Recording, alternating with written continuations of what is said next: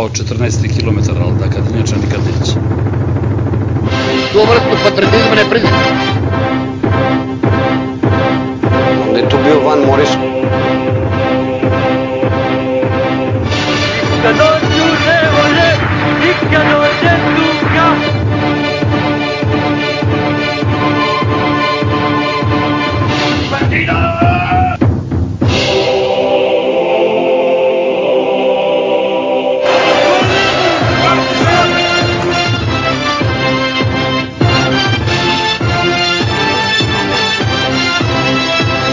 nije patriotizam, to je estetika, kapirat.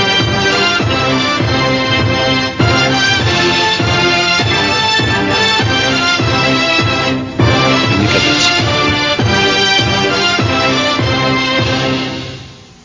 Dobrodošli u četvrti nastavak specijalnog podcast serijala Historical Hystericalu.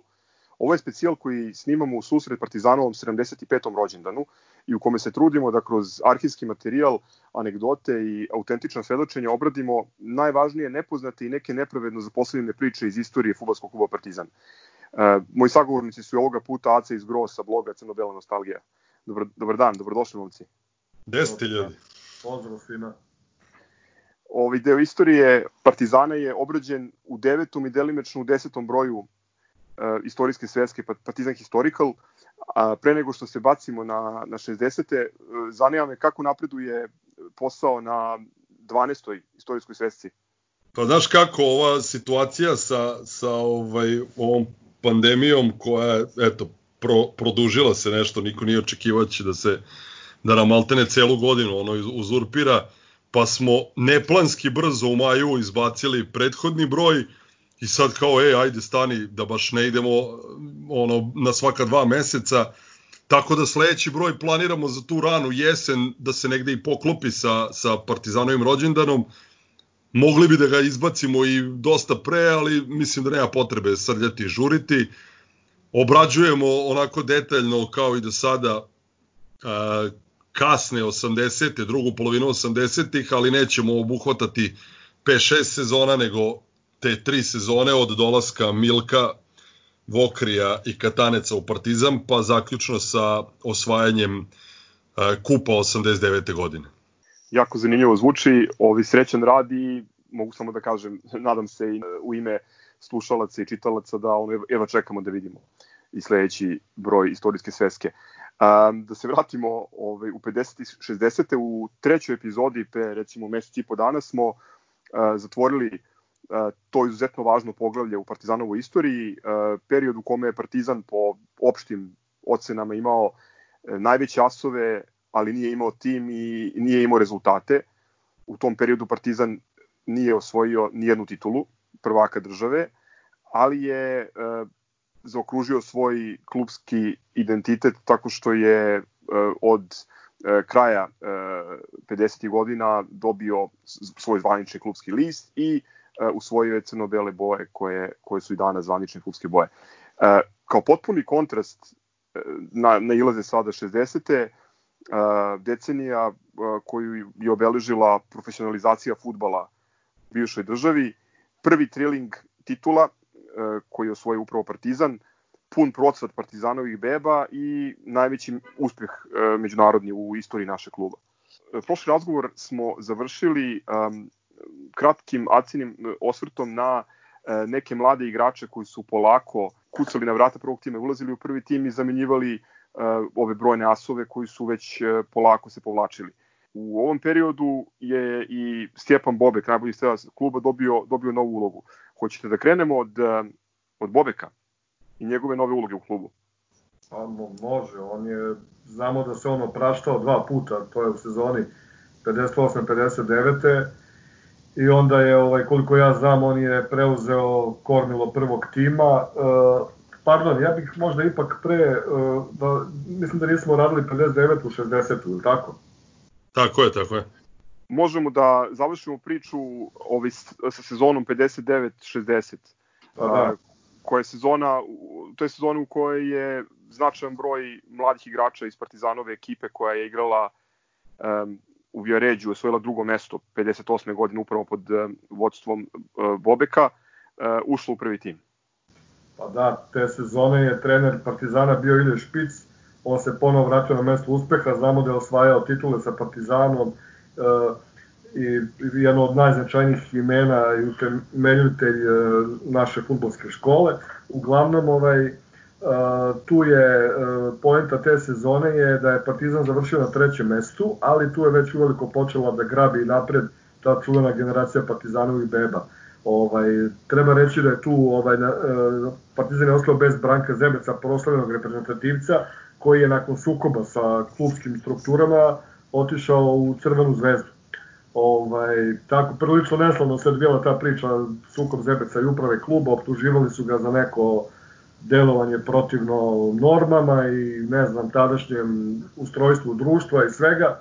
Uglavnom, ostali smo bez njega, on je otišao u Zvezdu, a Bruno Belin je potpisao novi ugovor i produžio vernost klubu. Uh, kao pripreme za novi šampionat uh, gostovali su Ferenc Varoš i MTK u Beogradu, Partizan igru nerešao sa Ferenc Varošem, pobedio MTK pred 40.000 gledalaca i zato smo išli na turneju po Izraelu. Što se tiče igrača, ti si sad rekao, Evo ja ću u najkraćem mogućem uh, okviru da kažem da je, tu su znači već Milan Galić je došao iz proletera već ranije i uh, neafirmisani tada mladi Joakim Islavski iz Vrbasa i tu su već značajnu ulogu igrali Jusuf i Galić, Šoškić, Vladica Kovačević, uh, Zvezdan Čebinac, uh, pa i Vasović, Ilija Mitić, to Jovan Miladinović, odnosno Zoran Miladinović, to su sve igrači ponikli u Partizanu futbolskoj školi i koji će kasnije većina njih igrati čuveno finale Kupa šampiona. Znači oni su tada stupili na veliku scenu i uglavnom to je, to je trenutak kada oni otprilike hvataju zalet za ono što će uslediti, što si malo prepomenuo, za tri vezane titule i bukvalno dominaciju jugoslovenskim futbalom. Kasnije možemo u najkraćem da se možda osvrnemo malo na tu sezonu, uh, ali eto, ovaj, ajde sad ukratko ću, da Partizan je tu uglavnom vodio trku za prvo mesto, međutim uh, došao mu od glave Dinamo iz Zagreba, uh, koji ga je pobedio i tada su Partizanove šanse ovaj, za prvo mesto nestale i, i zanimljivo je da je u kupu Jugoslavije Koban bio Dinamo, Partizan je došao do finala, međutim u finalu u Beogradu Partizan je izgubio Dinama 3-2. Tako da smo ostali bez trofeja, ali dobro, to, to je bilo građenje ekipe za neka e, buduća vremena koja će vrlo brzo uslediti. E, ne znam šta bi još rekao, Mitropa Kup smo igrali 60, e, to, odnosno ne, da, igrali smo Mitropa Kup protiv Slovana, ali smo izgubili dve utakmice, tako da i tu nismo ovaj, imali nekog velikog uspeha. Ono što je bitno, to je da je Partizan 6. aprila 1960. poneo ime Partizan kao sportsko društvo, Jugoslovensko sportsko društvo. Znači, treba znati da Partizan od 45. nije bio JSD, to je postao tek 6. E, aprila 1960. I po nekom mom shvatanju, to otprilike bio način da vojska koja je pobedila u tom sukobu, koji se odigrao nešto ranije između vojske i policije za prelast u klubu, da vojska jednostavno generali obeleže teritoriju, jel?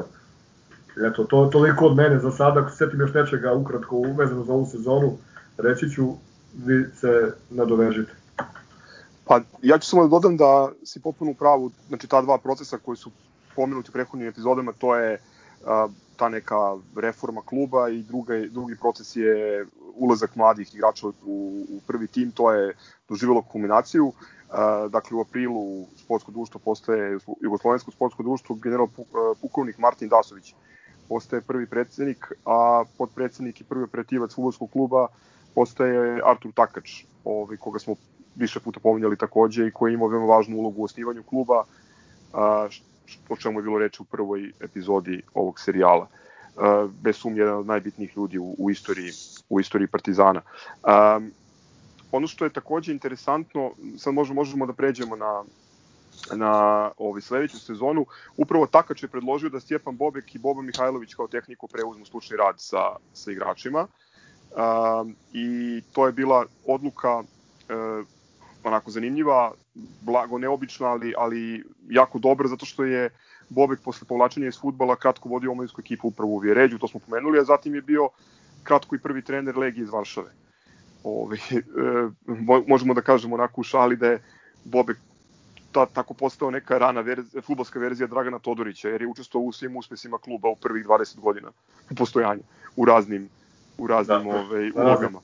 Da. da. E, to je, znači, 60-61 e, sezona u kojoj je svega 12 klubova igralo u šampionatu, ne znam zbog čega, Galić čak 14 golova postigao.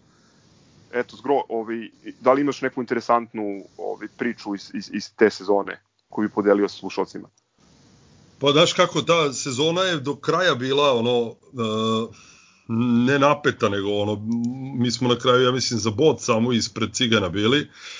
Uh, i u toj sezoni 60 50 kako zove 60 61 kad si uzeo titulu prvu posle 12 godina znači ti od 49. nisi ovaj bio prvak Jugoslavije ti si u toj sezoni ovaj dobio derbi 3-0 u, u oktobru, a onda si ne onako bez veze propustio u aprilu da već tada rešiš ovaj pitanje prvaka kada si dozvolio ciganima da se vrate u život i da sa nekog tamo četvrtog mesta na kraju ti oni postanu glavni konkurent do kraja, pobedete 3-2, imali smo igrača više, E, I tu je opisivan treći pogodak Zvezde gde su sve igrači Partizana stali, ja ne znam, Antor Rudinski daje gol, kao svi dižu da li offside, sudija maše rukom, naravno nije offside. I tu Zvezda dobija derbi i u tom momentu se kao zakuvava, ovaj, jer smo do tada kao bili ubedljivi, na kraju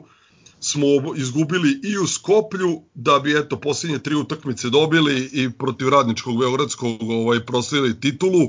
Zvezda je ono celo proleće naravno podobijala sve živo i na kraju je ona sa nekog četvrtog petog mesta došla do pozicije broj 2 iako smo se mi pre toga tukli sa Hajdukom i Dinamom za to ono šampionsko mesto.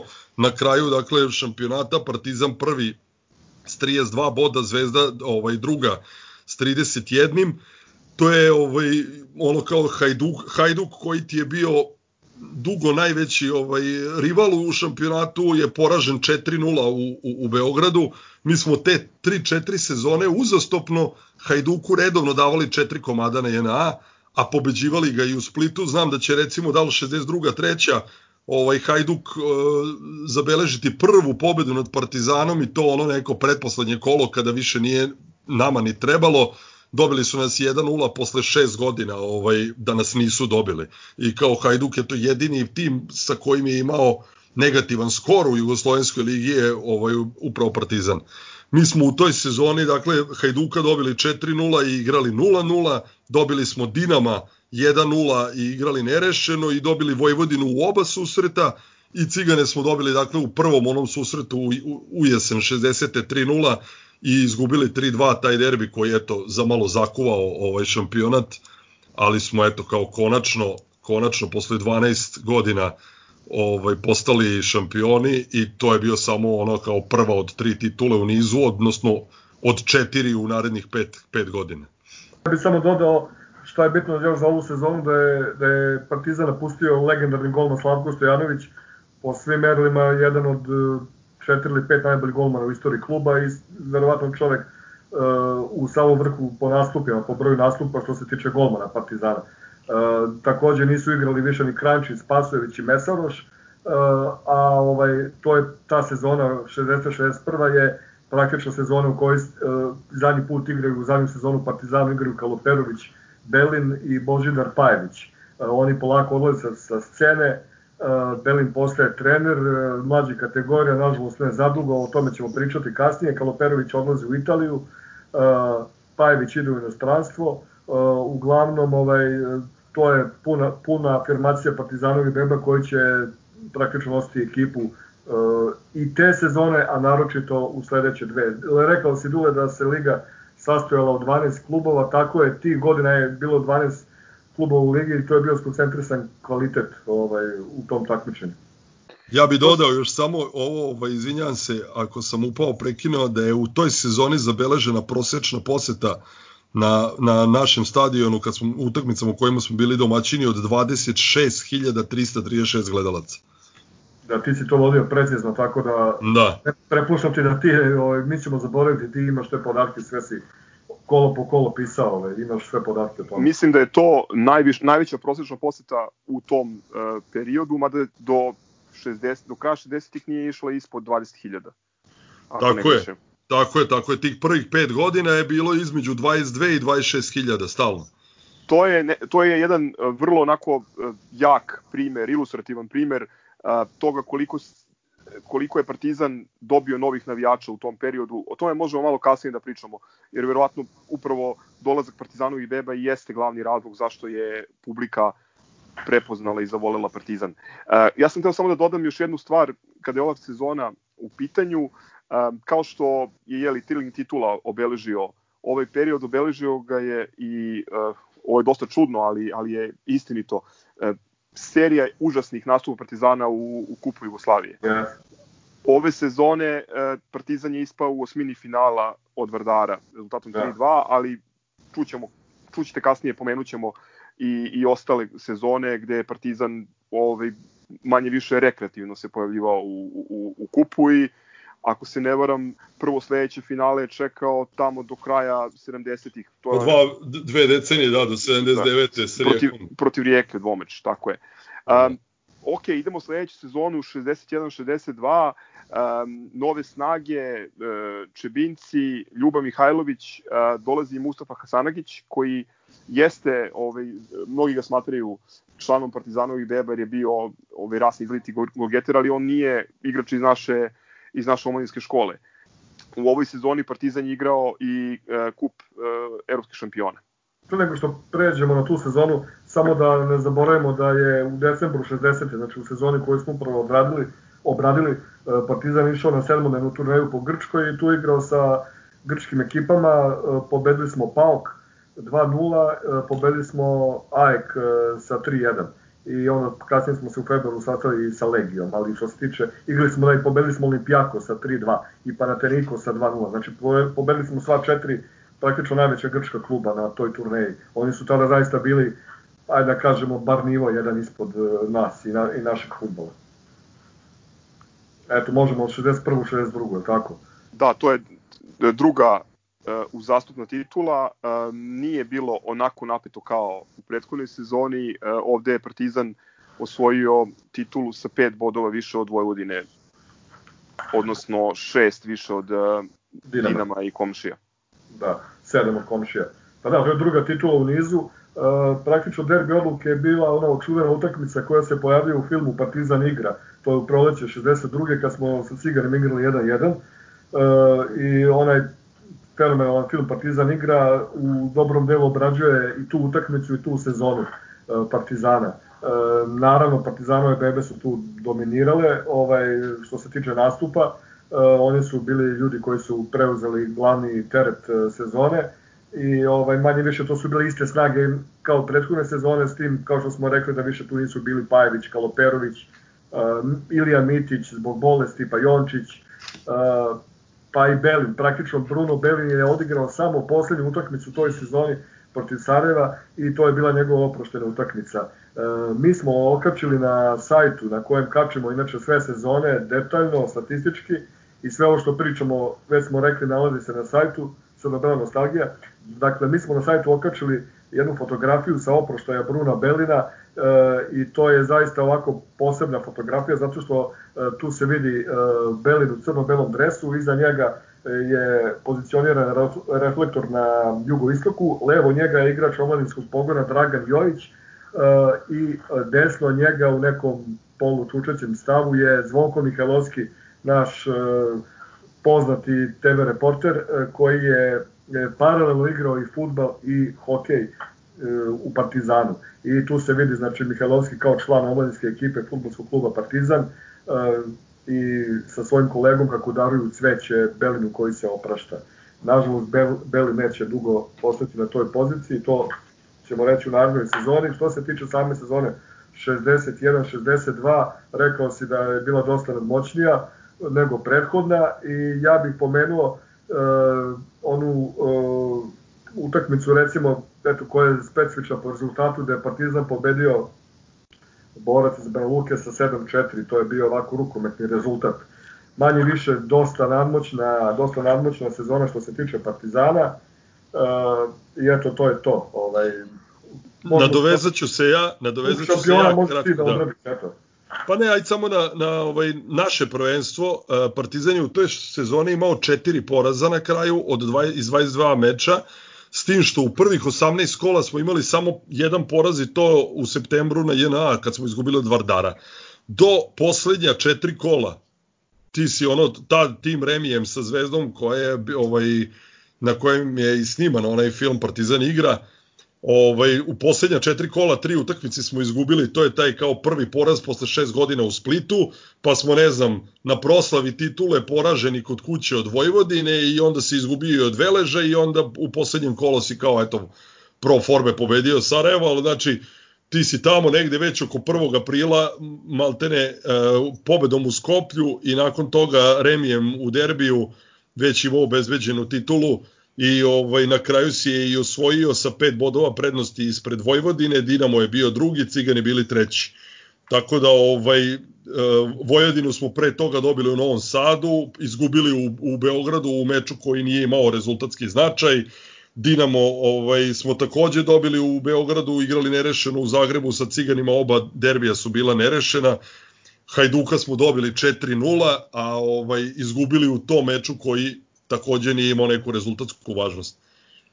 A što se tiče kupa šampiona te sezone, Partizan je dakle ovaj prvi put posle one 50 i, i, i 5. 6. ovaj učestvovao Posle šest godina pauze praktično. Ali to je tada već postalo najjače i elitno takmičenje. Nije, Tako nije više je. bilo po pozivu.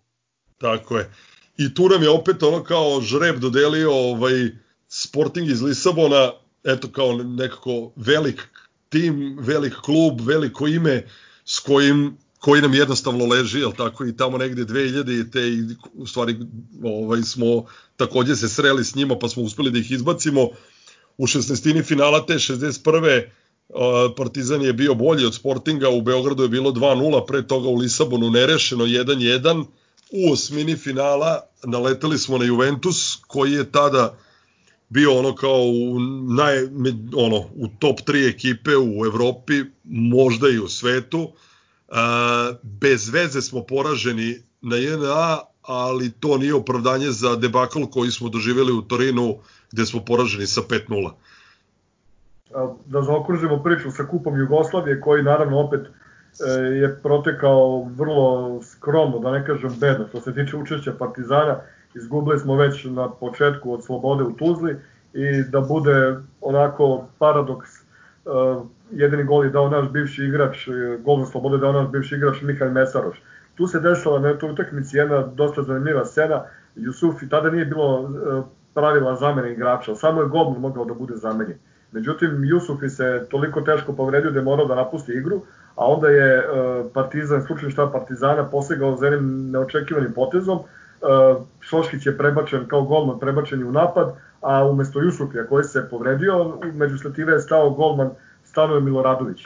Pa je već sutrašnjim novinama bilo polemike da li je to dozvojeno, da li je to po pravilima ili nije, međutim sudija je dozvolio tu izmenu i smatrao je da to možda jeste neka rupa u pravilima, ali nije ništa nelegalno i da je dozvoljeno, tako da je Partizan uspeo na taj način da ostane sa 11 igrača na terenu, međutim to nije opet bilo dovoljno, izgubili smo 1-0 i nastavila se ta crna serija u kupu Maršala Tita, kupu Jugoslavije, kako god ko voli.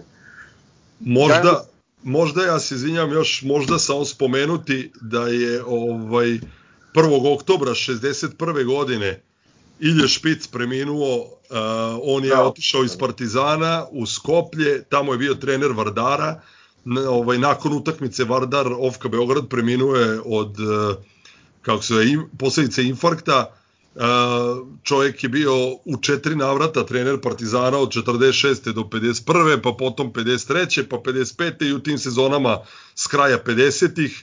On je kao trener doneo Partizanu prvu šampionsku titulu, prvi kup, Znači, s našim klubom je osvojio ovaj dve titule i dva kupa. I ovaj ono što je zanimljivo, iako je uh, Ilja Špic rođen bio u Budimpešti, uh, po sobstvenoj želji porodica ga je sahranila, sahranjen, a umro u Skoplju, sahranjen je u Beogradu. E, još jedan detalj oko smrti Iljaša Špica, neverovatno je kako život nekad uh, zatvori krug i ne znam kako se sklope te kockice. Naime, uh, Ilješ je, uh, za Ilješa su Partizanu čuli tako što ga je preporučio Kiru Simonovski, u periodu posle osnivanja Partizana, neposredno posle osnivanja, tako što je on, zato što je Špic trenirao tadašnji građanski klub koji se zvao u Makedoniji, koja je tada bila pod vlašu nacista, Bugara, mislim, i e, tada je on trenirao e, tamo taj klub, međutim, pošto je bio mađarski jevrej, on je bio ovaj, e, praktično ubačen u voz e, na putu ka nekom logoru, verovatno. E, kada se to saznalo, čelni ljudi e, tog kluba ovaj, iz Skoplja su intervenisali, pošto su imali jake veze u tom tadašnjem e, režimu okupatorskom i uspeli su ga kao velikog futbolskog stručnjaka da ga skinu sa voza i da on jednostavno ne ode u logor. I eto, neverovatno, tada, tada mu srećom nije bilo suđeno da, da u Makedoniji u Skoplju završi svoj životni vek ili da odatle ode u logor, ali nažalost dve decenije, skoro dve decenije kasnije on je tu igrom slučaja na futbolskoj utakmici završio svoj život. U istom gradu praktično. Ništa da pređemo sada na, na sledeću ovaj sezonu kojom uh, kompletiramo priču o trilingu Partizanovih titula. To je bio prvi uh, triling ili prva serija tri uzastopne titule u uh, socijalističkoj Jugoslaviji. Uh, pre rata je samo BS, kako se ne varam, osvajao tri, uh, tri, tri titule prvaka uzastopno. Um, I u ovoj sezoni Partizan je osvojio titulu ubedljivo sa pet uh, bodova više od Dinama i čak 11 više od Željezničara. Ja ću kratak, kratak uvod da dam, pa vi onda popunite ovi interesantnim detaljima. E, ovde e, mislim da je važna, e, važna je priča o 31. derbiju koji je odigran u jesen 62. To je jedan od onih derbija gde Partizan e, ostvari ubedljivu pobedu, ovoga puta 5-0. Uh, ono što je takođe interesantno, napomenuti za ovu sezonu je da je Partizan igrao sa čak 25 igrača, uh, od kojih su mnogi bili ranije pomenjeni uh, mladići koji su doživljavali punu afirmaciju i atraktivan i uh, napadački orijentisan Partizan u prvenstvu 58 golova, tu ovaj, naravno Galić i, i poslovođe su se, su se isticali. Um, takođe i ovde, i ovde je jedan ono skroman, da ne kažem, užasan nastup u kupu. Uh, isto na prvoj prepreci protiv Hajduka Partizan ispao u 16. finala. Um, ali i šamar u Evropi u kupu evropskih šampiona i ubedljivi, dva ubedljiva poraza od um, tima Centralnog doma Narodne armije i Sofija, to je danas, današnji CSKA. Da, ja bih dodao što se tiče tog derbija koji, koje smo pobedili sa 5-0, iako smo formalno bili gosti, a igralo se na našem stadionu, uh, jer Krcun još nije sa, sagradio ono zdanje, jel? Ovaj, uh, treba reći tri gola je dao Galić, dva gola je dao Vislavski. Ono što je meni neverovatno, ja sam čitao i onu, mislim, svi smo mi čitali onu brošuru iz žurnala, koja je, moram reći, dosta dobra, koja je izašla pre 10 godina, u kojem se pominju sve derbi utakmice Partizana i Crvene zvezde, čak i na internetu i na Wikipediji nigde se ne pominje Joakim Vislavski kao strelac gola i slobodnog udarca za Partizan. Znači čovjek je dao gol sa neki 25 metara, ne znam, kroz golmana je prošlo, probušio njega i mrežu praktično ali nigde se ne pominje da je čovek dao gol iz slobodnog udarca, pa eto da ispravimo tu nepravdu. Znači tri gola Galića, dva gola Vislavskog, jedan gol Vislavskog i slobodnog udarca, to bi trebalo da se ažurira.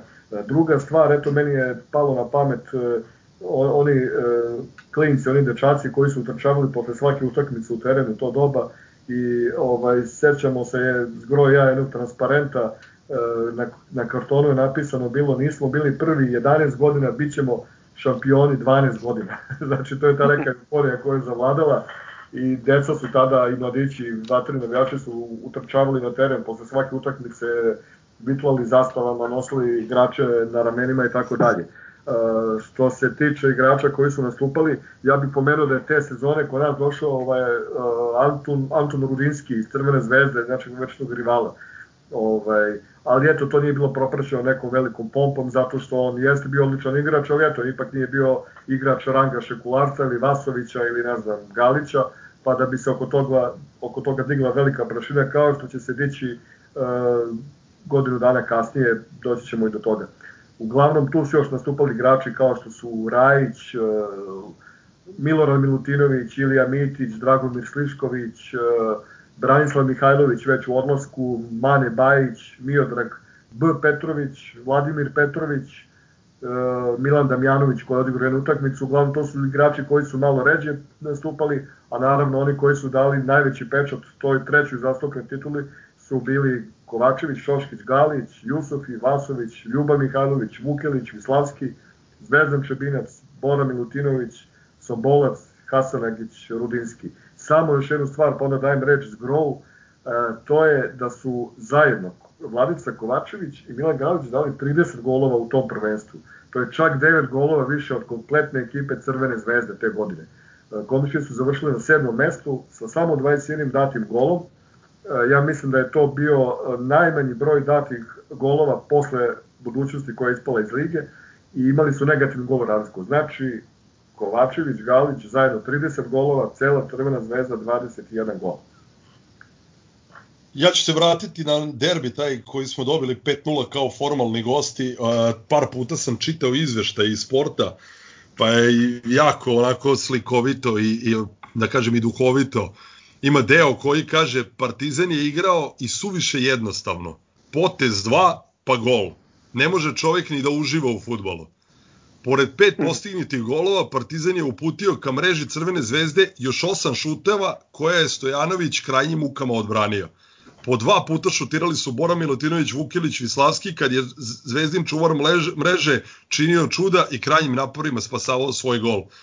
Dak, dakle, bili su zreli za desetku, a eto kao, što nismo, jer poslednji gol Vislavski je dao u 71. drugom minutu, znači ti si imao još dobrih 20-25 minuta do kraja da im daš još koji, ali eto, ostade tih 5-0 iz 27. oktobra 62.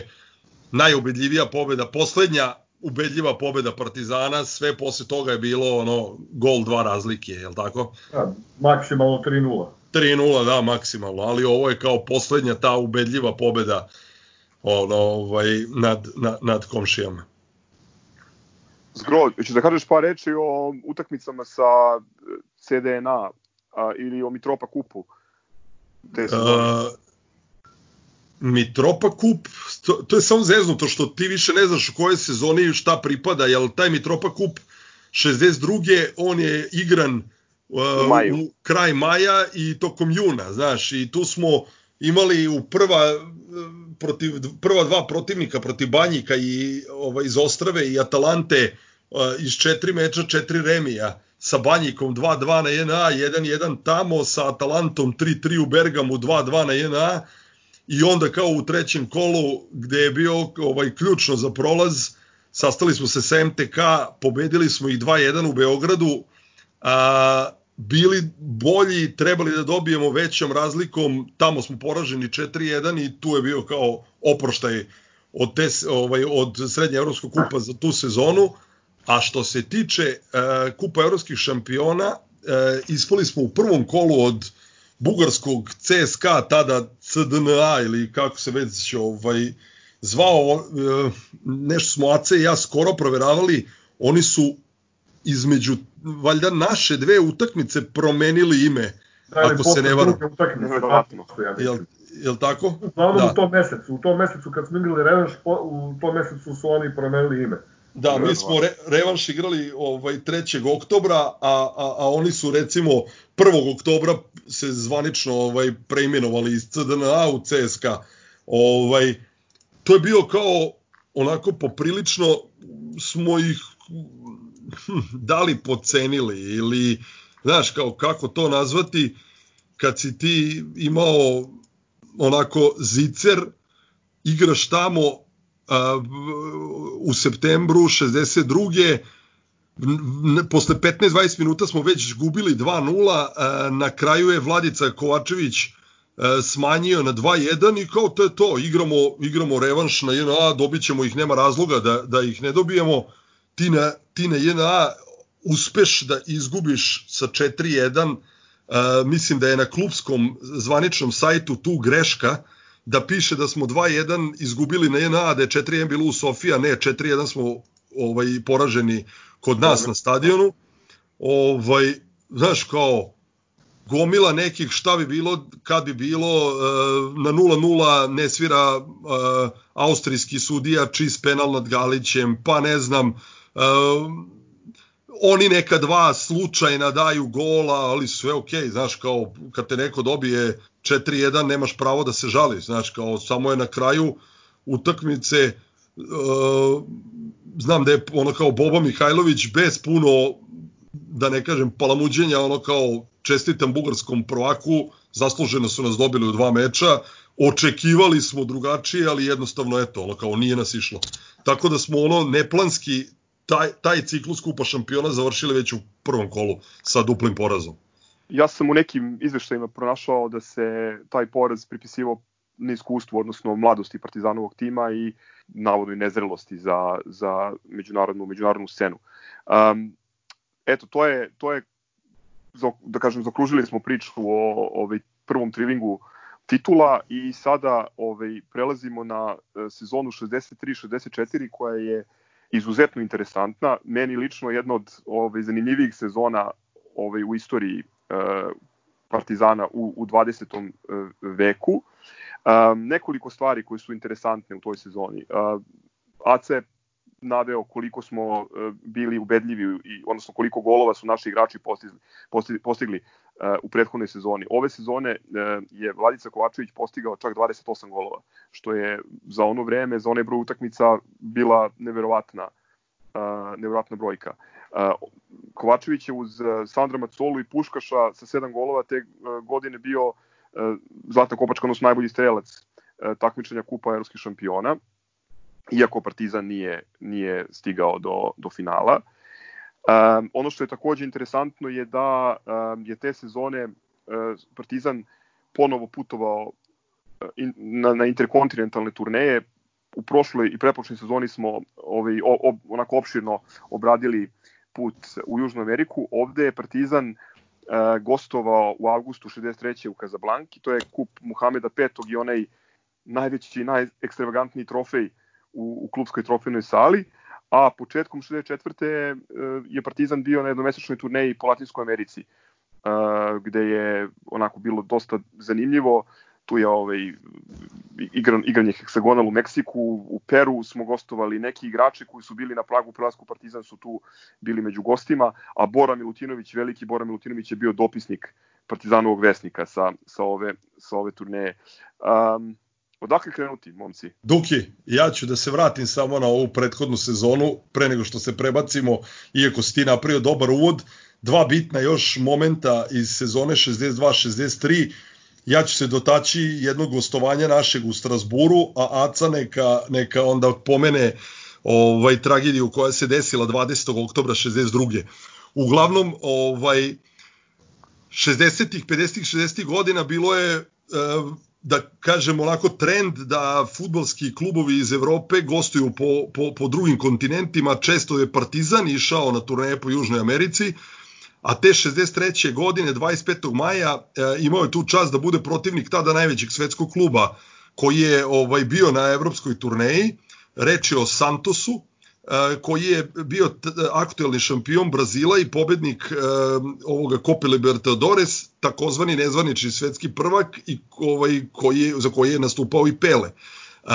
Ta utakmica je odigrana u Strasburu, a zanimljivo je kao kako je uopšte došlo do utakmice između Partizana i Santosa i to baš u Strasburu. Uh, futbolski sudija, neki tamo lokalni Pierre Schwind, koji se opraštao od, od uh, suđenja, on je valjda godinu dana ranije e, sudio interkontinentalni meč između ovaj e, ne znam s kim je igrao Santos, da li sa Benficom i ovaj on je hteo da, da, da kao taj svoj neki oproštaj da, da počasti grad Strasbourg tako što će Santos igrati uh, da, gostovati na njihovoj evropskoj turneji i oni su kao u čast tog sudije došli u Strasbur, ali onda je bilo pitanje, e, ali ko da izađe kao protivnik Strasburu, ba ovome je Santosu, pošto je lokalna ekipa Strasbura bila prilično skromnih ovaj, kvalitete i mogućnosti i, i bukvalno je ono kao, ej, kao logično im je bilo da se pozove Partizan koji je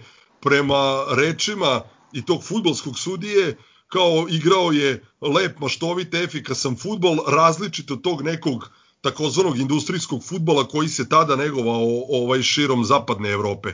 Tako da je to Partizan dobio pozivnicu da igra na ovaj sa Santosom u Strasburu na oproštaju studije Švinta. Utakmica je završena nerešeno 1-1.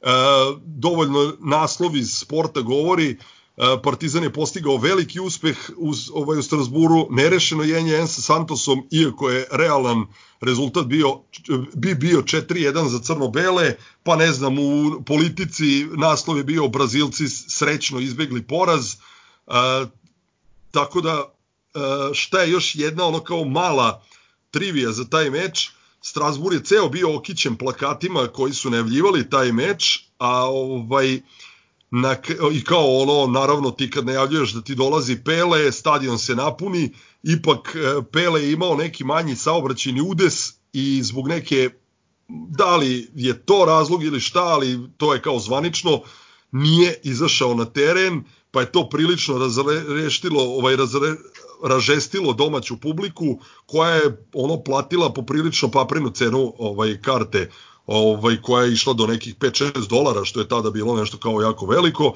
i ovaj, to je bio i znak i signal da domaća publika mahom se okrene i da je celu utakmicu navijala za Partizan. Ali zahvaljujući tom trenutku imamo onu fenomenalnu fotografiju nasmenog Pelea Vladice Kovačevića i Boga yes. Mihajlovića koji ziruje. Tako je, a, tako je. A takođe imamo i još jednu fenomenalnu fotku, jednu od mojih omiljenih uh, fotografija partizanovih uh, navijača iz tog perioda, gde publika ovaj, egzaltirana na, na, na stadionu drži e, Beogradski Santos. Jeste, jeste, jeste. Rekao si da imaš još jednu stvar iz ove da. sezone pre nego što skočimo na, na 60. Da, evo neka, neka Acak kaže ovaj, o toj tragediji koja da. se desila u oktobru 62. Pa da, na dan oslobođenja Beograda 20. oktobra 62. negdje, ja mislim, u Pećincima da se igrala neka revijalna utakmica i ovaj, tu su bili prisutni partizanovi asovi, bivši asovi Bruno Belin i Čeda Lazarević. Bruno Belin znamo ko je bio, šta je bio, velikan eh, jugoslovenskog futbala, igrao na olimpijadi i tako dalje. Eh, a tada su njih dvojca je trenirali i mlađe kategorije Partizana. Eh, oni su tamo bili zajedno sa njihovim drugarima i saputnicima, to je bio plivač Boris Kanata i bivši futbaler Beogradskog radničkog Vladimir Josipović, zajedno sa njima u automobilu pri povratku u Beograd bio je i Partizanov funkcioner, funkcioner futbolskog kluba Partizan Vujica Radosavljević. Uh, oni su bili u autom, automobilu DKV Junior, uh, Škanata je upravo tim automobilom i uh, nažalost oni su doživjeli težak udes, uh, njih četvorica su poginuli, znači Bruno Belin, Čeda Lazarević, vozač Škanata i uh, Vladimir Josipović. Jedini je preživeo sa teškim povredama, ali kasnije se oporavio Vujica Radosavljević. Bila je to velika tragedija, znači eto, Belin se oprostio m, pet meseci pre toga na utakmici Partizan Sarajevo, eto nije ni pet meseci e, sastavio kao trener mlađih kategorija, čak i u, u, mislim da je osvojio neki kup oslobođenja Beograda, postoji jedna slika da smo, kada smo tražili famoznog Živka Lukića, u toj generaciji i nažalost ovaj, posle pet meseci i oni Lazarević i naravno njihovi saputnici su preminili. Bila je to ovaj, sahrana zaista onako velika, e, sva četvorica su sahrane na novom groblju, koliko znam, i eto, ovaj, po tog momenta futbolska škola Partizana ponela naziv Beli Lazarević. Kasnije, nažalost, posle pogibije još jednog momka, e, osam godina kasnije nadoveze, E, škola se preimenovala u Belin Lazarević Nadoveza. Mi smo imali pre dve godine, dve i po godine, e, zadovoljstvo i čast da upoznamo gospodina Milana Belina, sina e, Bruna Belina i eto, ovaj, on čovjek koji redovno prati sve ove naše emisije, izdanja i prati sajt, tako da eto, pozdravljamo ga i evo mi, mi smo čak i na sajtu postavili jednu sliku sa sahrane velikana Partizanovog e, tima i velikana jugoslovenskog sporta u to vreme. Eto, znači, godinu dana ranije preminuo Ilio Špic, 62. ovaj, je preminuo tragično Bruno Belin, znači eto, nažalost tragedije, tragedije su obeležavale Partizan kroz njegovu istoriju. Da, ovo je jako, jako važan moment u, u našoj istoriji. Puno smo govorili o omladinskoj školi i kasnije, naravno, to je ono postalo opšte mesto kao Zvezdino proleće i Partizanova škola, ove, veliko bogatstvo koje je kroz istoriju dalo Partizanu mnoštvo stranih igrača, čije su temelje udarili Špic i, i Conja Motekalo.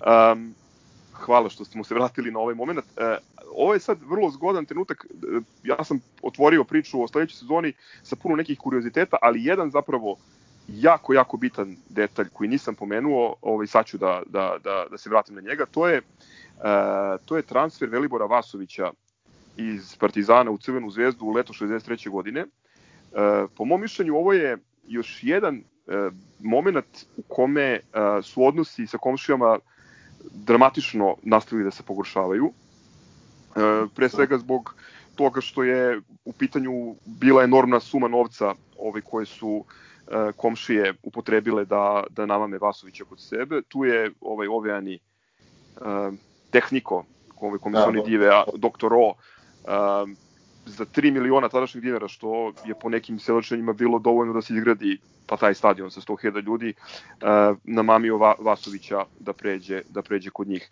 Um, Vasović je tamo proveo samo jednu polusezonu i odigrao samo 13 utakmica i onda se još tokom te polusezone odlučio da se vrati nazad. Da, on je kao igrač Zvezde zvanično ovaj, trenirao sa Partizanom. Kao da, neće da, bio, više da ide tamo. A, da, da, bio na njihovom, ali to, to je meni sjajan, sjajan onako, ovaj, sjajna priča, sjajna, sjajna anegdota koja pokazuje koji je, ne samo koliko, koliko su odnosi klubova počeli da se pogoršavaju, koliko je rivalitet po, počeo zapravo da raste, odnosno oni su, ima bilo potrebno da, nam, da, da na neki način odreaguju i, i uzvrate, da, da nađu odgovor na ove tri uzasudne titule, ali pored toga pokazuje blagi haos koji vlada u Partizanu i razne klanove, o kojima ću nešto kasnije reći, ovaj, poslužit ću se kao izvorom knjigom uh, Lazara Radovića, jednog od članova te generacije koji nije bio uh, beba, odnosno došao je u Partizan iz Titograda, ali koji je onako kao jedan vrlo inteligentan čovek, uh, elokventan, uh, onako iznao interesantne opaske u, u, u svojoj autobiografiji. Da, Vasović je zbog naravno, zbog love prešao u Zvezdu, zbog love se vratio u Partizan. Često kad smo pričali o, o toj generaciji i o finalu Kupa šampiona, a praktično to je generacija koja je igrala sve ove godine o kojima sad ovog momenta pričamo, nekako smo uvek apostrofirali upravu e, i njihovu nesposobnost, e, ali jednostavno mislim da, da smo propustili, eto mala nepravda, bez namere da bilo koga blatimo naravno, ali mislim da je činjenica da su igrači Partizana, ne svi, ali onako bar oni neki najistaknutiji, da je to bila raspuštena banda. Znači oni su bile prave gazde, nijedan praktično trener nije kasnije za njih bio autoritet, radili su šta su hteli, trenirali su kako su hteli, u ostalom ne izmišljamo mi ništa, postoji u sportu iz tog vremena da se kaže kako su se pripremili za finale Kupa šampiona, da je autobus dođe da vozi 15 igrača, samo se dvojica vrate, sutra se vrati samo jedan autobus, i tako dalje. Što se tiče Vasovića, on je po meni apsolutno jedno od ne znam, možda tri ili pet najvećih imena u istoriji Partizana kao futbaler, ali je sigurno najkontroverznija ličnost i i sad ne upotrebam neke, neke teške reči, znamo kako se odnosio prema Partizanu u smire svoje trenerske karijere kada je trenirao komšije, e, ne znam, ja, ja kad čujem Vasović, znači kapa dole za njegovu igračku karijeru, a sve ostalo, ne znam, radije ne bih pričao, o, radije bi ga izbegao, znači eto, oni, oni ume u tim poslednjim godinama da, da navuče i bez, znači onih najumerenijih navijača Partizana. Velibor Vasović je otišao u Crvenu zvezdu i bilo je jasno da on ovaj e, da on e, svojim odlaskom je značajno oslabio Partizan i da Partizan sigurno neće biti više onaj tim koji je bio u prethodne tri sezone kada je osvajao vezanu titulu. E, Vasović je ovaj, eto, potvrdio da je kontroverzna ličnost i da je bio onako na svoju ruku te sezone je hendike Partizana bio i taj što je osim Vasovića negde posle nekoliko kola, ja mislim da je Jusufi ovaj, otišao u armiju. Tako da jednostavno to više nije bio taj tim. Galić je bio u dosta slabijoj formi, na 12 utakmica dao je 4 gola i mi smo te sezone završili tek na petom mestu. E, Zgro je rekao za Vasovića da je on e, ovaj e, prolećni deo trenirao sa Partizanom, čak su mu futbolski forum i futbolski savez mu je negirao da on može da pređe u Partizan, da se vrati, međutim tu je on pričao kako je to njega srce vuče kad je izašao prvi put protiv Partizana u dresu Zvezde, da mu se srce steglo i da je da čvrsto rešio da se vrati u Partizan i ima ona čuvena slika u Partizanu Vesniku za novu godinu 1963. Znači, na isteku polusezone u kojoj Vasović igra za Zvezdu, on se slika sa svojim sinom uh, u, za Partizanu Vesnik i ide dole tekst Velibor Vasović je učlanio svog sina u Partizan, znači Velibor Vasović u tom momentu bio fotbaler Crvene zvezde. E, te sezone, znači završili smo tek na petom mestu uh, i eto, ovaj, ne znam šta bih uh, istakao, specijalno možda eto da, da smo imali jednu pobedu od 7-0 protiv Trešnjevke, imali smo poraz u jesen od Zvezde 1-0, mislim da je to prva utakmica na njihovom novom stadionu, pred 75.000 gledalaca. Dva puta smo izgubili od Cigana te sezone, uglavnom dosta ovako skromna i siromašna sezona, nema tu puno šta da se kaže, možda da istaknemo da je trener Taracković bio posle odlaska Bobeka, na nekoliko utakmica pri kraju jeseni zamenjivao ga je Marko Valok, a od proleća je stali trener uh, bio Florian Matekalo. Tako da triling trenera imamo te sezone i tako da eto, sa koje god strane da pogledamo tu sezonu nije bilo slavno i nije baš bilo za podičiti se. Ovaj, ostali igrači, tu su bili manje više svi oni koji su izneli teret prethodnih šampionskih sezona i eto jedan neslavan rekord, Partizan je čak pet puta te godine igrao 0-0, a čak na 11 utakmica nije postigao gol. Tako da je ovaj plasman peto mesto čak i odličan, mislim, kako se sve odvijalo te godine. E, pomenuo si, pomenuli ste ovaj Meksiko, eto samo da kažem da su tu kao gosti za Partizan igrali Silvester Takač, Branko Rašović, Ivan Ćurković i Svetozar Vujović iz Sarajeva. Ćurković i Rašović su kasnije došli u Partizan, a Svetozar Vujović i Takač nisu, oni su ostali u svojim ekipama. Eto, ja ne znam, mislim da je to ono čega se ja sećam da je, da je bitno za ovu sezonu. Ne znam da smo rekli kup Jugoslavije, kup Jugoslavije tu je ovaj Partizan, e, tu je, tu je možda jedna bitna stvar, Partizan je došao do polufinala. E, izbacili smo Radnički iz Kragujevca 8-0, Niški Radnički sa 7-2 isto u gostima, kući budućnost sa 3-2 i u polufinalu su igrali protiv Dinama iz Zagreba, tu smo mi izgubili 7-2. Postoje razne priče kako se desio taj poraz, čak idu dotle da je ekipa bojkotovala Huga Ruševljevina, koji je tada bio tehnički rukovodilac Partizana. E, sad, da li to tačno, da li nije, to verovatno znaju igrači koji su to vreme igrali. Uglavnom, ja mislim da je to najveći, najteži poraz Partizana u domaćim takmičenjima. E, to, pa onda onih 1-6 protiv Hajduka. Uglavnom, neslavan oproštaj od kupa u polufinalu 7-2 poraz od Dinamo u Zagrebu. Ti si taj, tu utakmicu protiv Dinama, polovreme je bilo 2-2. Da. O, znaš, da. i ti kao dozvoliš da primiš pet golova u razdoblju između 55. i 75. minuta. Znaš, tu je sad samo da nagađaš šta je i kako. E, znam da su novinari iz sporta istakli ono kao loše suđenje sudije e, Tasliđića iz Osijeka. Uh, još u prvom polovremenu, ne znam, nije isključio Bob, ovoga Branislava Mihajlovića i sve ostalo samo što, ovaj, znaš, kao 2-7 ti ostaje kao najveći, najveći poraz u istoriji kluba u ono kao takmičenjima to Liga, Liga Kup. Po meni još dva zanimljiva detalja iz tog šampionata uh, u kojem eto si stigao do polufinala kupa i bio peti na kraju i nisi imao nekih većih uspeha. Uh, u oktobru 63. godine uh, Engleska futbolska asocijacija obeležavala je stogodišnjicu na Stamford Bridgeu, Chelsea stadionu uh, odigran je revijalni meč između reprezentacije Engleske i reprezentacije sveta na uh, golu reprezentacije sveta polovreme je branio jedno Lav Jašin, drugo polovreme je branio uh, Milutin Šoškić zajedno u, sa njim u timu bili su Di Stefano, Đalma Santos, Eusebio, e, Kopa, Puškaš i ostali ono kao svetski, sve, ono svetska imena.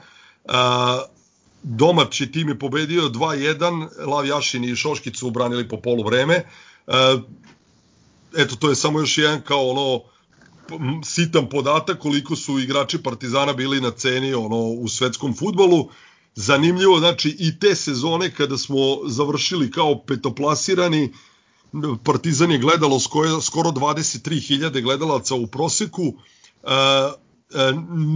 bez ikakvog objašnjenja onaj susret taj ko, koji smo izgubili koji smo izgubili ovaj od Zvezde na njihovom tad izgrađenom stadionu 1-0.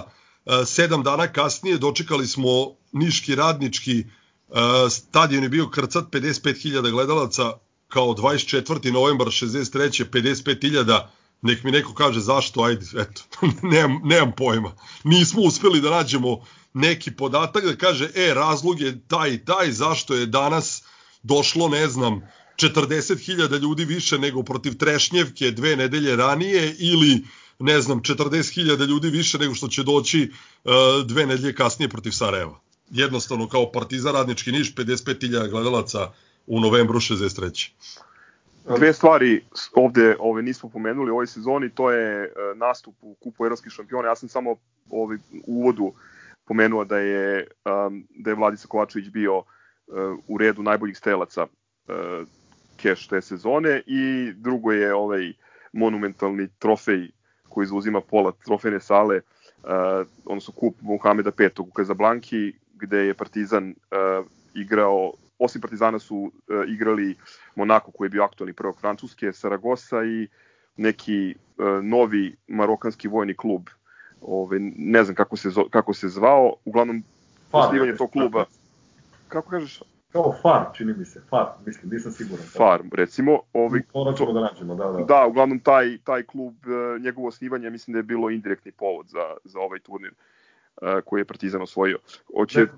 Izvini, nismo zaboravili, nego ja, e, mislili smo da se vratimo na to, ja bih samo jednu malu triviju, pre svega toga, te sezone 63. četvrte u stručnom štabu Partizana bio je i Miodrag Mile Kos, koji je ljudima poznat kao novinar a inače je bio futbaler. Ured, I urednik Partizanovog vesnika. Jeste, urednik Partizanovog vesnika i postoji iz te sezone čuvena slika da je on, Hugo Rušedenin i Boban Mihajlović sede u nekoj bašti i spijaju piće i verovatno časkaju o tome kako nastupiti u sledećoj utakmici i tako. A, kup šampiona, evo mogu da počnem s Grone kad se ne doveže, imali smo veoma lak posao u prve, e, prva dva kola, u šestestini finala Partizan Anortozis, 3-0 u Beogradu i 3-1 za nas E, na Kipru e, i u osmini finala Žene Seš neugodan poraz, mislim neugodan ne u smislu što se nije mogao stići, ali ipak je bila neka vrsta blamaže. 2-1 smo izgubili tamo, a ovdje smo opušteno dobili 6-2. Treba reći da u to vreme ti klubovi sa Kipra i iz Luksemburga bili možda nivo današnjih klubova sa Farskih ostrva, znači nešto što se podrazumevalo da, da ćeš proći u pola noći. Sledeće kolo, četvrt finale, Partizan Inter, eto može zgro da i ti dugo da se dovežete, tu smo znači igrali protiv ekipe koja je bila u samom vrhu evropskog futbala i prošli smo, vidjet ćemo kako. Tako je, ovaj, ti si izvukao, krajem decembra je bio žreb, utakmica znači koja je igrana početkom, u stvari u, u krajem februara i početkom marta 64. Izvukli smo Inter iz Milana, tada je Inter bio ono među najjačim evropskim ekipama i Partizan definitivno nije imao sreće, pogotovo što se taktika Intera tada zasnivala na ono tvrdoj defanzivi, onako klasičan onaj italijanski katanačo, brze kontre i ti se naš kao iako si bio možda tehnički eh, tak, ono kao kvalitetniji nisi se snašao u toj ovaj kako se zove, protiv takvog protivnika i poražen si ono zasluženo na, na, na našem stadionu, bilo je 2-0 za, za Inter, e, revanš meč e, je odigran 4. marta 64. E, takođe Inter nešto brzo povegao, poveo 1-0, na kraju ovaj dao i drugi gol, mi smo ne znam smanjili na 2-1 uh, Kovačević, Galić, ne znam, Bajić, u, u četiri navrata su propuštali ono kao neverovatne šanse da bar ono kao izjednače, čak možda i da dobijemo, ali kao eto, ono kao ispalo je da je Inter u tom momentu bio krupan zaloga i oprostili smo se od kupa šampiona, tako da ovaj ova sezona je bila jedan korak ispred s obzirom da si godinu dana ranije ono pretrpeo onu bruku protiv uh, CSKA i Sofije da si u kolu pre pretrpeo neočekivan poraz u Luksemburgu, ovaj ipak ono kao poraz od od Intera se nije nije ovaj bio tako tragičan, jeste da da si bio blizu tog nekog samog kraja, ali jednostavno eto bili su bolji.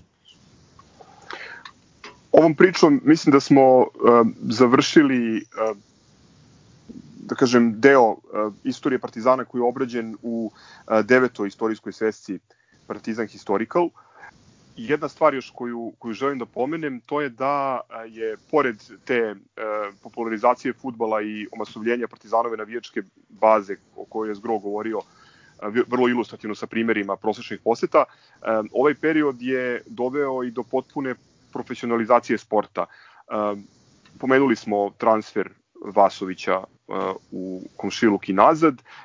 Želim da pomenemo za kraj sam još jedan slučaj koji posjeća na, na, na thriller koji, o kome su pričali prilikom prelaska Milutinovića u, u Partizan. To je bio prelazak Stevan Ostojića iz Niškog radničkog u, u Zvezdu, 64. godine. Čovek koji je potpisao predugovor s Partizanom, pa ovaj, kasnije je bilo nekih optužbi da su koristeni crni fondovi, da je sakrivan igrač. Aco, hoćeš da pomeneš kratko taj, tu epizodu? Pa ne znam, pravo ti kažem, ja ono nisam nešto m, posebno čitao o tome, znam za taj slučaj, mislim, čak mislim da je Stevan Ostojić e, jedan od likova koji je poslužio kao podloga za onu čuvenu e, zabrenu knjigu u, u svoje vremeno Crveni kralj. Ovaj, tak, I zato su se u toj knjizi stvari piše o, o naliču jugoslovenskog futbola u to vreme, znači počinje profesionalizacija, počinju finansijske makinacije, tačno on je potpisao predugovor sa Partizanom, ona, mislim da ga je Zvezda čak i otela da su ga tu vozali po Srbiji, sakrivali, Uglavnom on, on je ovaj završio u, u Crvenoj zvezdi posle. Nije postigao, postigao značajnu karijeru, ali ni izbliza kako očekujete da postigne čovek oko koga se toliko otimaju. Znači, otimali su se Miloša Milutinovića, a znamo ko je bio Miloš Milutinović i šta je uradio. Znači, ne želim da apsolutno podcenjujem kvalitete Stevana Ostojića, jednostavno, on jeste bio sjajan igrač, ali eto, možda nije bio dosega onaj najveći, najveći nivo jugoslovenskog futbala. Eto, to je toliko o tom nekom njihovom ovaj, fair playu i džentlmenskom dogovoru. Ja bih samo rekao, ako vi imate za osjeća, slobodno dodajte, ja bih dodao da je kada je, ne znam što je ovaj sezona, da li uopšte to da pominjemo, kada je Vasović uh, se vratio u Partizan, da je u kontrasmer otišao Zvezdan Čebinac u Crvenu zvezdu. Znači, to, to su bili ti neki prelasi koji su zatalasali javnost u to doba. Ja bih za sam kraj um, pročitao jedan izvod iz pomenute autobiografije futbolera Lazara Radovića, koja se zove Bimuga, nadam se da sam dobro akcentovao, nek me e, slušalci iz Crne Gore isprave. Ako ovo je knjiga izdata u Podgorici 2009. i uh, relativno nedavno smo, smo došli do nje. Ove, interesantni, onako, lični uvidi jednog uh, savremenika, odnosno učesnika ovih događaja o kojima govorimo. Hoću da završim um, upravo njegovim uh, utiskom o tome kako je Partizan uh, bio organizovan. Uh, kasnije uh, se, se još jasnije vidi ta razlika između, uh, ajde usno rečeno, sposobnije, prepredenije i beskupuloznije ekipe koje je uh, vodila komšije i te neke neobavezne atmosfere koje je kod nas vladila, uz naravno e, nezaobilazne podele koje su ostale zlako Partizana do dana današnjeg i koje su po mnogima glavni razlog zašto Partizan kao klub nije napravio neki uzbiljniji uspeh, pre svega na međunarodnom planu u ovom, u ovom periodu. Elem, poglavlje e, pod imenom Partizan, kaže gospodin Radović ovako, Partizan je bio tipičan primjer koliko je za uspjeh važno i dobro rukovodđenje.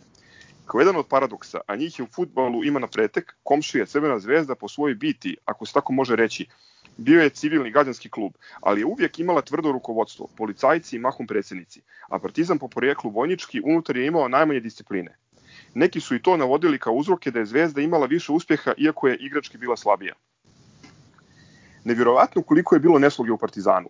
Tako sjediš jednog dana u lijepoj bašti stadion s jednim generalom i on te savjetuje da se okreneš Bobeka i okreneš ka Zebecu. Sutradan drugi general te savjetuje obrnuto. Dobro za Bobekom, Zebec je nedruželjubiv. Nije bilo dana da generali nisu, e, nijesu dolazili i gledali treninge. Vada su poslije podne imali dovoljno slobodnog vremena. Jedan naš crnogorski general, to znam sigurno, Zebecovu sliku držao je na zidu u svojoj dnevnoj sobi pored Titove. Velika prestrojavanja nastala su sasavanjem čuvenog podmlatka za prvi tim i objektivno govoreći Partizanu, pored onakvog podmlatka i onog što je imao, nije trebalo nikakvo pojačanje. Taj podmladak je bio čudesan tim. Oni su osvajajući prvenstvo Jugoslavije za omladince za jednu sezonu postigli čak oko 200 golova, a primili nešto e, oko 20. Ja sam i tada smatrao da je Vasović bio u pravu kad je e, prenosio stav tih mladića da svi i treba da se prekomanduju u prvi tim. Praktično to je bilo nemoguće sprovesti. Jer šta uraditi sa starim igračima i sa onima koji su tih godina već bili došli u Partizan, a svi su mahom bili odlični futbaleri, a mnogi reprezentativci ta generacija iz podmlatka ponikla uglavnom iz siromašnih porodica nije imala namjeru da se više ikada vrati u ranije stanje i svjesni svoje futbolske vrijednosti mislili su da će im upravo futbol biti najbolji način da se obogate. A stari novodošli bili su im prepreka. Mladi su imali potporu iznutra. Tu su uglavnom bili neki generali, a među njima prvi je bio Ilija Radaković, komandant Titove garde. Za čudo ti mladići su pokazivali već tada osjećaj kompaktnosti i nekih nefutbolskih igrarija. I tako dalje, tako dalje. U svakom slučaju, on govori o tome koliko je e, tada postojalo, postojalo klanova, e, o tome možemo detaljnije ovaj, sledeće, e, u sledećoj epizodi, pošto ćemo u skopu analize finala u Briselu, siguran sam doći do toga da je, da je ta unutrašnja nesloga jedan od bitnih faktora bio za, za naš neuspeh. Finale u Briselu i era Miljana Miljanića kada kreće fijasko jugoslovenskog futbola. Tako je. E, ljudi, hvala vam puno na, na, na sjajnim informacijama, na odvojenom vremenu. Hvala vam puno na svemu što radite. E, mislim da je ovo zaista neprocenjivo. Samo da dodam kratku rečenicu, ovaj, hvala tebi na pozivu i eto da ne misle ljudi da smo mi neki supermeni koji imamo, ne, ne znam, u, u malom mozgu u pola noći informaciju ko je dao koliko golova i u kojoj minutu, jednostavno nekad i mi moramo da se podsjetimo i to je normalno, tako da eto, ovaj, možda samo malo bolje plasiramo to kroz sajt, ali u principu ovaj, nismo mi sveznajući. Hvala na, na pozivu i pozdrav svima koji nas slušaju. Hvala vam puno. Poziv za kraj ljudima da posete sajt i blog Crnobela Nostalgija, a, gde je sve ovo o čemu razgovaramo, da kažem, razređeno još više detalja i sve još više interesantnih arhivskih podataka. Pozdravljam i ja, pa se čujemo uskoro ponovo. Ćao, čujemo se. Nikad neće.